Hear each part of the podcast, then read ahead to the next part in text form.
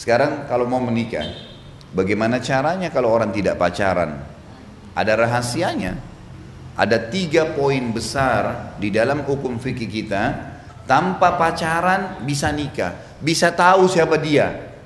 Gak perlu saya buka jilbabnya lihat rambutnya. Gak perlu harus tes dulu, cek dulu. Pacaran setahun gak perlu. Gimana caranya? Itu sudah hukum, hukum syari. Allah turunkan dari langit. Ada tiga hal yang mendasar. Ibu-ibu boleh lakukan, bapak-bapak boleh lakukan.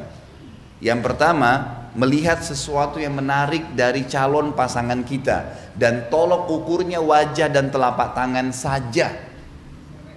Itu hukum syar'i begitu.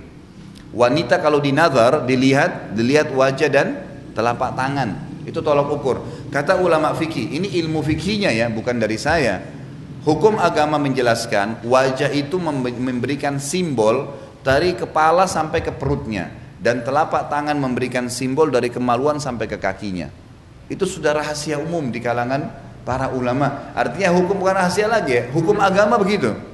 Kata Nabi SAW, lihatlah sesuatu yang menarik dari calon pasanganmu.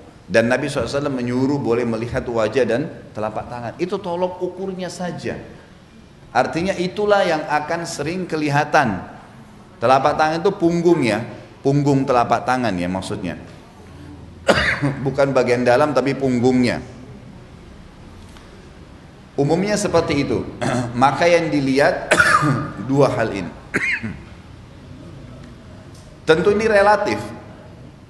Jadi ibu boleh melihat bagian wajah si laki-laki tadi oh saya suka melihat alisnya matanya hidungnya itu bebas dalam hukum syari. Tapi sebatas wajah Telapak tangan, oh iya sudah selesai. Seperti itu tolok ukurnya. Artinya sebagai simbolik badan ya. Yang kedua, mengenali keluarganya. Mengenali keluarga ini caranya adalah keluarga ayah dia itu akan mewariskan fisik. Akan mewariskan fisik kepada anak keturunan kita nanti. Keluarga ayah ya. Jadi kalau keluarga ayah itu tinggi besar badannya keluarga ayah dia akan begitu keturunan kita. Enggak ini secara global bu. Kita jangan ambil gini. Kita kalau nilai sesuatu jangan substansial, nggak bisa. Kita kalau nilai sesuatu itu cabang-cabang nggak bakal selesai masalahnya. Ini global. Kalau orang semuanya ya di Indonesia umumnya makan kerupuk, enggak enggak semua. Memang enggak semua, tapi umumnya orang makan. Ini global, sifat global. Yang keluar ini pengecualian, gitu kan? Jadi saya bicara masalah global. Ini hukum syar'i begitu. Dan ini sudah dipraktekin. Ini bukan karangan dari saya, gitu kan? Ini sebuah hukum. Kemudian keluarganya itu diambil daripada hadis Bukhari. Ini kasus terjadi. Ada sahabat kulitnya putih, laki-laki, istrinya putih. Menikah, begitu hamil, melahirkan istrinya, anaknya kulitnya hitam. Hitam kelam anaknya. Hitam kayak orang Afrika, gitu kan? Itu hadis sahih. Lalu si suami spontan, kalau cuman gelap sedikit mungkin ini dia putih, istri putih ini hitam kelam, gitu kan. Kata si suami spontan, kamu selingkuh. Hadis sahih ini. Kamu pasti selingkuh. Gak mungkin saya putih ini, kamu putih kok anaknya bisa begini. Kata istri demi Allah tidak ada yang sentuh saya kecuali kamu. Ributlah dua hal orang ini sampai kepada Nabi Muhammad SAW. Tolong jangan dipotong dulu ya, saya biar cerita dulu. Nanti terakhir pertanyaan. Jadi tangkap dulu semua.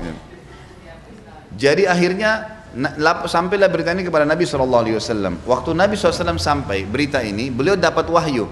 Beliau tanya si laki-laki, kamu punya kakek hitam seperti ini nggak? Kata si laki-laki apa? Ada dan masih hidup orangnya. Kata Nabi ini keturunannya itu. Artinya apa?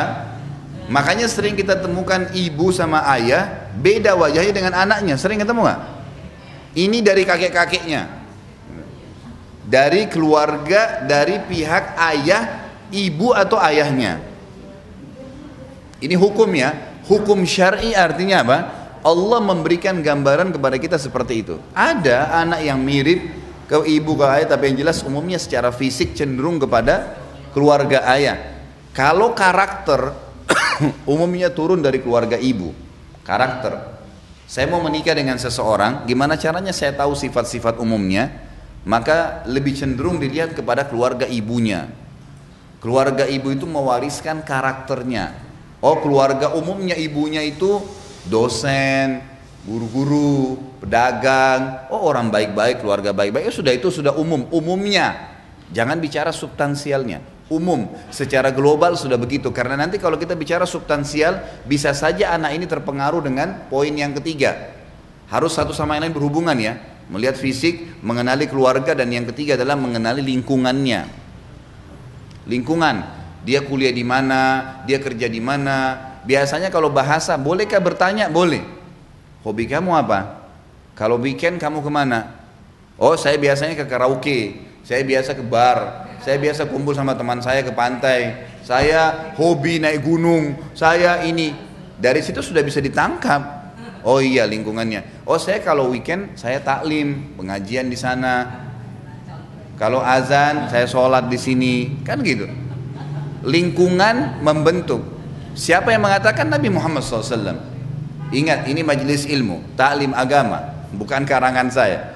Kata Nabi SAW, Al-mar'u ala dini khalili.